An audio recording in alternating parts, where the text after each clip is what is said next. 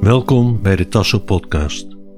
In deze podcast belichten we aspecten van regressietherapie en ervaringen die mensen hebben als ze dat ondergaan. We proberen het zo interessant mogelijk te maken. En dat is bij dit vak heel makkelijk. Ik ben Hans ten Dam en al vele jaren hou ik mij bezig met regressietherapie.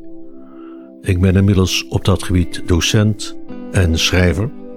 En in dit programma willen we jullie in concreto duidelijk maken wat het is, zo levendig als het maar kan.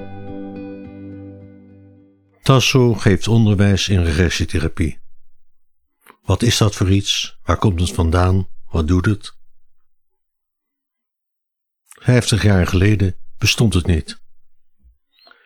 Um, ik denk dat het vak zo ongeveer eind zeventiger jaren eigenlijk begonnen is. Ook in Nederland, aanvankelijk heel aarzelend. En het komt uit een hele vreemde hoek. Het komt uit de hoek van reïncarnatie. En hoewel dat in de praktijk van de regressietherapie vaak aan de orde komt, komt het nog vaker niet aan de orde. Ik ben zelf in dit veld terechtgekomen omdat ik geïnteresseerd was in reïncarnatie. En op een gegeven moment heb ik daar een boek over geschreven. Want wat mij opviel, dat er geen overzichtswerk bestond, waarin alle ideeën daarover, ik zou bijna zeggen, verzameld werden en tegen het licht gehouden. Dat boek is later verschenen als, uh, eerst als Ring van Licht en nu heet het, het gewoon reïncarnatie, denkbeelden en ervaringen. Is ook in het buitenland. Ik ben dus in het buitenland, met name in Amerika, ook met collega's uh, in contact gekomen. Toen ik daar lezingen over het onderwerp gaf, als aanloop naar het boek, kwamen er mensen naar me toe die zeiden: Dit is allemaal hartstikke interessant. Maar wat we eigenlijk zouden willen, is: kunnen we ons eigen vorige levens herinneren? Waarop ik zei: Dat kunnen we proberen. Ik had er iets over gelezen. Dat waren destijds allemaal experimenten in hypnose. En ik geloof net was het eerste boek uitgekomen waarin het ook zonder hypnose gedaan werd. Afijn, dat hebben we geprobeerd. En het bleek goed te werken. Het bleek heel interessant te zijn. Ik geloof dat van de twaalf mensen kregen er acht herinneringen. Maar wat het allerbelangrijkste was van het weekend, wat ik niet verwacht had, een paar van de mensen die daar waren, die kwamen van emotionele problemen af, die ze hun hele leven al gehad hadden. En dat was voor het eerst dat ik in de gaten kreeg wat de power was van een bepaalde vorm van herbeleving. Dus ja, van het een komt het ander. Er zijn nog meer mensen die willen dat ook. En nog meer mensen die willen dat ook. En op een gegeven moment zijn er mensen die ze zeggen: dat moet je anderen leren. En zo is de eerste opleiding ontstaan. We praten nu 1983. In het begin nog behoorlijk experimenteel. Ik heb een achtergrond in psychologie en opvoedkunde. Dus het komt niet helemaal vreemd. Maar dit kwam echt via een heel andere hoek binnen.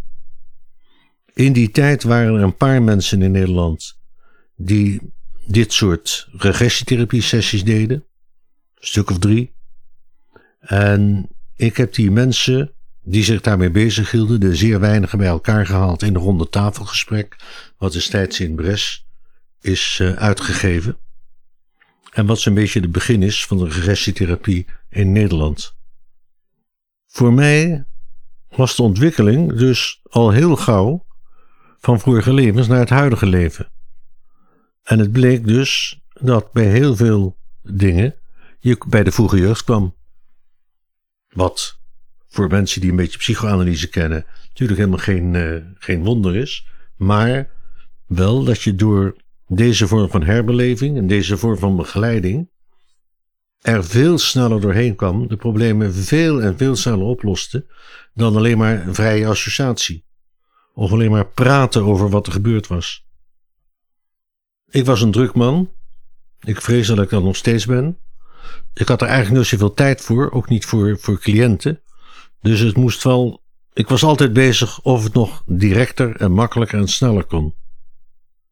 Niet omdat dat op zich zo belangrijk is, maar achteraf bleek toch wel, een beetje gek gezegd, hoe sneller het proces gaat, hoe directer, hoe effectiever het is. Niet alleen efficiënter, maar ook effectiever. Het werkt gewoon veel beter. Inmiddels was er een vereniging van eh, collega's in, uh, in Californië opgericht. Die werd ook internationaal. Uh, daardoor leerde ik ook andere mensen kennen in dit vak en konden we ook ervaringen uitwisselen. Aangezien reïncarnatie een heel controversieel onderwerp is, trekt er natuurlijk ook mensen aan, als ik het even te negatief mag zeggen, die van alles en nog wat geloven. En die helemaal niet meer kritisch zijn. Dus ik heb geprobeerd een gezond verstand er altijd bij te houden. Wat werkt, werkt en wat niet werkt, werkt niet. En wat soms werkt en soms niet, dat moeten we nog uitzoeken. Hoe dat beter kan. Het interessante is, ook van dit werk, dat je in een hele snelle manier heel diep in iemands leven terechtkomt, in iemands gevoelens. En dat is altijd belangwekkend. Dat is ook leerzaam, maar het is ook, ja, hoe moet ik het zeggen? Als je naar films gaat, dan wil je wat meemaken. Als je een boek leest, een roman, wil je wat meemaken. Nou, als je sessies begeleidt, dan krijg je alles wat je maar wil. Uit het leven gegrepen. Op een gegeven moment, ik heb een tijdje in het buitenland gezeten, maar ik ben begin negentiger jaren weer begonnen met een opleiding. En door die opleiding, door het andere mensen te leren, moet je ook weer analyseren waar ben ik eigenlijk mee bezig, waarom werkt het een beter en het andere minder en probeer je de effectiviteit van je vak steeds te vergroten. Een van de aspecten die dan naar boven komt, is dat mensen kennelijk ervaringen hebben in de baarmoeder. En daar ontdek je vreemde zaken. Bijvoorbeeld dat een kind zich bovenmatig kan identificeren met de moeder. De moeder ontdekt dat ze in verwachting is en uh, vertelt dat misschien enthousiast tegen de man en die reageert als door een wesp gestoken. Die wil er helemaal niks van weten. Die moeder wordt dus afgewezen en misschien, misschien is er zelfs een ruzie, misschien wordt er wat geroepen en het kind kan dat registreren alsof het op hem of haar betrekking heeft. Een van de dingen die ik door restjes geleerd heb, hoe belangrijk het is dat een kind bij de geboorte welkom wordt geheten. Uitgesproken, maar ook natuurlijk gevoelsmatig. Het al of niet welkom geheten worden maakt ontzettend veel uit aan het begin van het leven. Ik heb denk ik alle mogelijke voorbeelden uh, zien, uh, de revue zien passeren van hoe mensen gewond kunnen raken, hoe ze gekleineerd kunnen worden, hoe ze hun zelfvertrouwen verliezen, hoe ze dom worden. Ik wil niet zeggen dat alle domheid ontstaat uit, uit frustraties en, en, en uh, trauma's, maar er zijn vormen van geestelijke beperkingen die niets te maken hebben met de aangeboren intelligentie. Als je een regressie meemaakt, is dat altijd levendig. Het is een herbeleving. En dat is soms pijnlijk, maar als het goed begeleid wordt, is het bevrijdend. We spreken van de bevrijdende herbeleving. En het zou natuurlijk een hele tijd vergen om dat helemaal in alle details uit te leggen. Dat doen we natuurlijk tijdens de opleiding waarin we regressietherapeuten opleiden. Maar ik kan misschien één of twee voorbeelden geven. Wat het betekent om een regressie mee te maken. En de verleiding is groot om met het meest krankjormige voorbeeld te beginnen. Uh, een sessie overigens die ik niet zelf gedaan heb, maar een van mijn studenten, of die toen net afgestudeerd was.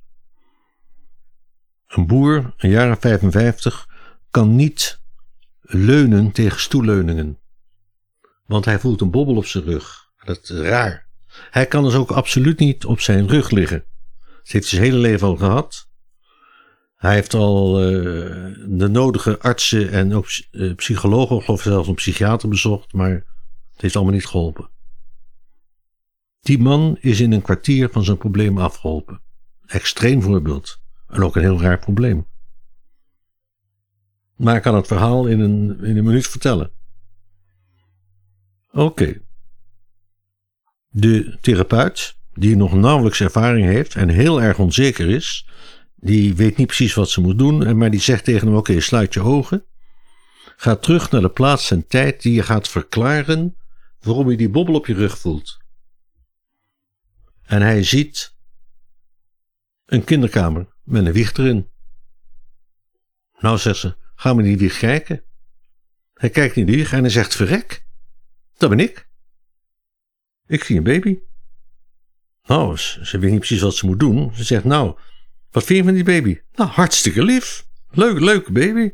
Nou, neem me maar op. Ja, hij lacht naar me. Hij neemt die baby op. En hij zegt, krijg me nou wat. Er ligt nog een baby onder. En zij weet even niet hoe ze moet reageren. En het wordt hem al duidelijk. Hij zegt dat kind is in diezelfde wieg gestorven. Voordat ik in die wieg lag. En de therapeut die denkt, mijn god, wat moet ik nu doen? En die, die denkt, eh, oké, die man is 55, 55 jaar. Nou, die moeder van die baby die gestorven is, die zal ook wel overleden zijn. Dus ze zegt, uh, je ziet de deur opengaan en je ziet de moeder van dat kind nu binnenkomen. En hij ziet een, een vrouw die helemaal verrukt komt binnenrennen en verrukt dat babytje uit die wieg pakt en tegen zich aanklemt en stralen van geluk de, zaak verdwijnt. En zij weet nog steeds niet wat ze van dat verhaal moet vinden. En hij gaat met zijn rug in de stoelleuning. Hij opent zijn ogen en zegt: Het is weg. Na al die jaren. Hoeveel krijg je van mij? Nou, extreem voorbeeld. Dat soort verhalen krijg je niet zo vaak. Maar het geeft aan Twee dingen. Het kan soms heel snel gaan. En een regressietherapeut vindt niks gek. Niet dat hij alles zonder meer accepteert, maar je gaat proberen het uit te zoeken. Het verhaal moet kloppen. En het probleem moet opgelost zijn. Dat is allebei nodig voor een geslaagde sessie. Je hebt geen idee nog wat je allemaal over jezelf zou kunnen ontdekken. En het is echt niet allemaal vervelend. Meestal zijn het juist de niet vervelende dingen die je ontdekt. Dingen die je vergeten bent, dingen waarin je ontmoedigd bent geraakt, dingen waarin je gekleineerd bent, dingen die niet gestimuleerd zijn. Dat valt allemaal te ontdekken. Dus soms is het, gaat het niet om een probleem op te lossen, maar om een soort gemis te vullen. Of om een kant van jezelf te ontdekken waarvan je ergens voelt dat hij er is, maar die komt er nooit uit. Een goede regressiesessie is als een ontdekkingsreis. En dat verveelt nooit, niet voor de cliënt en ook niet voor de therapeut.